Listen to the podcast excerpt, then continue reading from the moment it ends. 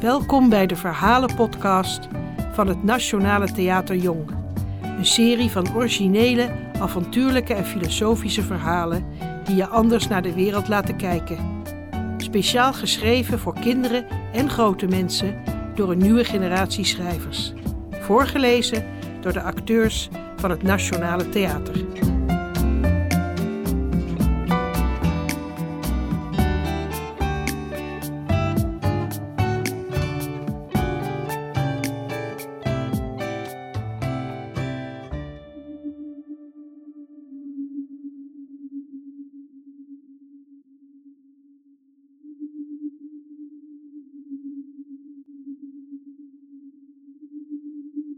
Je als kind ooit wakker worden s'nachts en aan het voeteneind van je bed een groep spoken zien, wees dan niet bang. Denk aan dit verhaal.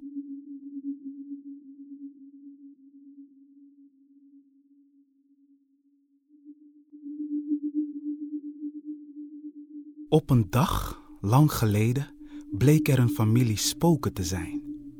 Wie ze waren of waar ze vandaan kwamen, was voor henzelf het grootste mysterie. Wel wisten ze dat ze een familie waren. Nou, niet een familie met een papa-spook en een mama-spook. Er was Alvarade de Wijze, die grote wazige brillenglazen droeg, waardoor ze altijd nog een tweede keer moest kijken. Dat is hoe ze zo wijs werd. Er was Tippy de Blinde en zijn vriend Papegaai, die altijd voor hem op de uitkijk stond, bovenop zijn hoofd. Ook Marie de Avonturier, een spook dat voorzeker geen vrees kende. En dan was er nog Onda het jonkie, het kleinste spook van de familie. Onda hield van de frisse geur van frisse lucht, maar verlangde altijd naar thuis. Zoals je ziet waren ze een eigenaardige familie, maar een familie waren ze zeker. En het verhaal gaat zo. In een kronkel, dronkel draaikolk in de grootse wijdse oceaan op een dobber drijvend bootje zaten Alvarade de Wijze, Tippy de Blinde, Marie de Avonturier en Onda het jonkie. Onda was kotsmisselijk alsof de grootse wijdse oceaan met al haar vissen en plankton in haar buik woonde.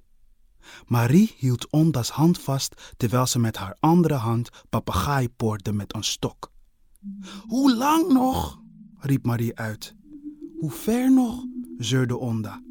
Waarheen dan? vroeg Tippy. En waarom? dacht Alvarade. Maar nog papegaai noch de oceaan gaven hen antwoord terug.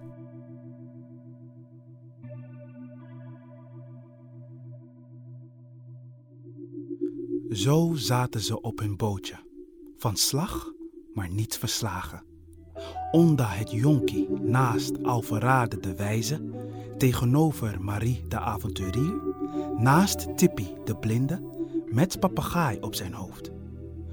Zo saai, gaapte Marie.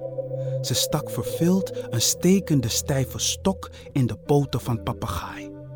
Ik verveel me, zei Marie tot vervelens toe. En in één zwier trok Tippy de stekende stijve stok uit Marie's hand en knap brak knakte die in twee. Wie ettert nou een vriend van een vriend? vroeg Tippy. Marie schudde stevig haar hoofd, waardoor het dobber drijvende bootje schreide schreeuwde, schudde. Er zit iets tussen zijn klauwen, zei Marie, terwijl ze haar handen uitstak om papegaai te vangen. Papegaai opende zijn vleugels en vloog hoog boven Tippy op.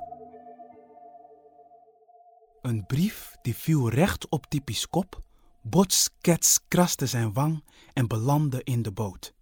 Aha, riep Marie. Ze raapte de brief op en hield die in de lucht. Maar papegaai vloog hoog, greep de brief met zijn bek en liet hem neer tuimel vallen recht in de oceaan. Zonder ook nog een stilte te laten vallen, sprong Marie uit het dobber drijvende bootje, greep ze zwem zwemmend de brief en bracht die terug aan boord. Ze was nat, week en wak en ze rilde in de boot. Lees hem, zei ze en gaf de brief aan Alvorade het enige spook dat kon lezen. Alvarade nam de brief en opende hem. Ze las: Ga door de roze mist die voor je ligt. Hè? dacht ze. En ze zette haar bril af. Ze las: Ga door de roze mist die voor je ligt. Ze had de woorden al juist gelezen. Wat? vroeg Marie de avonturier. Wat, wat? piepte Onda het jonkie. Hm? fronste Tippie de blinde. Ik weet het niet, verzuchtte Alverade de wijze. De nacht viel en de spokenfamilie dreef op het dobber drijvende bootje in de grootse wijdse oceaan. Ze zaten samen met hun armen rondom elkaar, maar rilden nog van de kou. Plots was er een roze licht, zo slinks dat het je niet zou opvallen. Het roze licht dreef op de oceaan. En nu? Vroeg Onda het jonkie. Marie, de avonturier, was al diep in slaap. En Tippi de blinde met papegaai zat in een meditatie. Nu blijven we zitten en wachten, zei Alverade de wijze. En ze bleven zitten en zitten en zitten en kregen het kouder en kouder en kouder. Totdat ze door de ijzige, wazige roze mist heen waren. En nu ze de mist voorbij waren, was de zon op. En Marie veerde klaar wakker op, spring sprong springend op het dobber drijvende bootje. Waar is mijn papegaai? riep Tippy. Hij vouwde zijn handen samen en hield ze tegen zijn lippen. Hij blies. Lucht tussen zijn duimen en hij floot. Tweemaal. Daar is papegaai, wees Onda. Achter Tippy zat papegaai op het opperste tiptopje van een schitterglimmende doos. Mag ik even? zei Marie. En ze wapperde papegaai weg van de doos. Al verraden, zei Marie, terwijl ze de doos hoog op in de lucht hield. Wat doen we? Tippy ging even voelen. Er is geen gleuf en er is geen slot, zei hij. Alverade dacht heel diep na en kwam met een idee. We zullen het allemaal proberen op onze eigen manier. Marie de avonturier ging eerst. Ze liet de schitterglimmende doos een paar keer neertuimel vallen in het dobber drijvende bootje. Maar de doos weigerde zich te openen. Alverade, de wijze, klopte driemaal op de schitterglimmende doos. Maar de doos weigerde zich te openen. Toen was het aan Onda het jonkie, die alleen maar naar de schitterglimmende doos staarde en toen weer wegkeek. Maar de doos weigerde zich te openen. En Tippy de blinde ging als laatste. Hij vroeg papegaai om aan de schitterglimmende doos te prikpekpulken. Maar de doos weigerde zich te openen.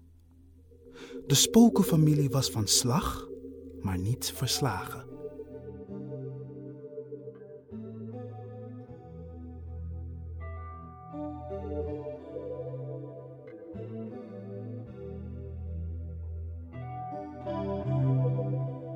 Hoe hebben we de mist gevonden?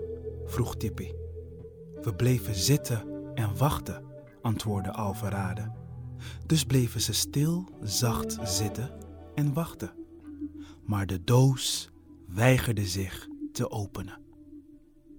Plots dacht Onda luid op: Hebben we het de doos gevraagd om zich te openen?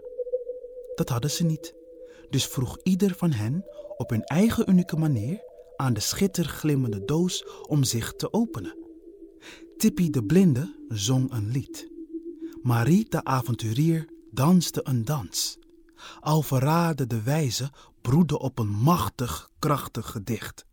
En Onda het jonkie vroeg het simpelweg gewoon.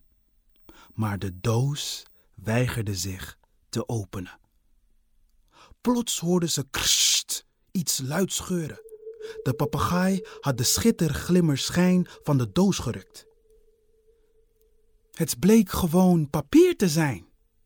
En op de doos, een simpele zwarte doos, stonden de woorden geschreven: Breng me thuis. Thuis? schreeuwde Marie uit. Thuis?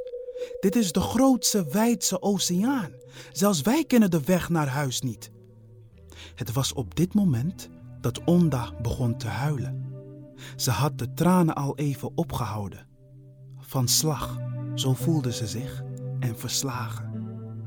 Laten we rusten, smeekte Tippy. Papegaai was klaar, helemaal gaar en lag plat op Tippy's hoofd. Alverade knikte instemmend en direct viel Marie in slaap en begon Tippy te snurken. Maar wel twee uur later was Onda nog aan het snikken. Waarom? vroeg Alverade. De nacht is een zwarte doos, Alverade. Ik kan niet in slaap vallen zonder licht, antwoordde Onda. Hoezo? vroeg Alverade. De maan is daar, hoog boven ons hoofd. Onda zei niets. Luider huilde ze. Alverade schudde haar hoofd. Ik ken geen verhaaltjes voor het slapen gaan, maar wel spreekwoorden en gezegden voor de nacht. Onda knikte. Als de nacht je schrik aanricht, zorgen we voor een simpel licht. Houden je benen niet goed stand, houd ik je bij de hand. Moet je nodig naar het toilet, ga erheen met kloeke tred. Maar er is geen kuur tegen angst om in slaap te vallen s'nachts. Er zijn momenten in het leven waarbij we het gevoel hebben dat we van de ene naar de andere plaats moeten springen. Plots worden we geboren, verhuizen we naar een ander land, zien we iemand en worden we verliefd. En daartussenin is er onzekerheid. De overgang tussen één vaste grond en de andere. Het kan voelen alsof we nog nooit zoiets deden, maar eigenlijk oefenen we iedere nacht. Wagen we een sprong in het diepe. In slaap vallen is drijven, een oefening in het loslaten van vaste grond. Plots klikte het, maar Onda zei niets. Ze kroop in Alvarade's wijd open armen, lekker warm, en sloot haar ogen om te dromen. Zo dreef de spokenfamilie. Onda het jonkie naast Alverade de wijze, tegenover Marie de avonturier, naast Tippy de blinde, met papegaai op zijn hoofd, stil, zacht in een diepe slaap, op het dobber drijvende bootje in de grootse, wijdse oceaan. En door te dromen kwamen ze thuis. Wachtende spoken in een dobberend bootje in een zwarte doos, in een koude nacht. Daar waken de dromen, overdrijvende spoken, in een diep, diepe slaap, heel stil en heel zacht. Hoe lang nog, hoe ver nog, waarheen dan en waarom?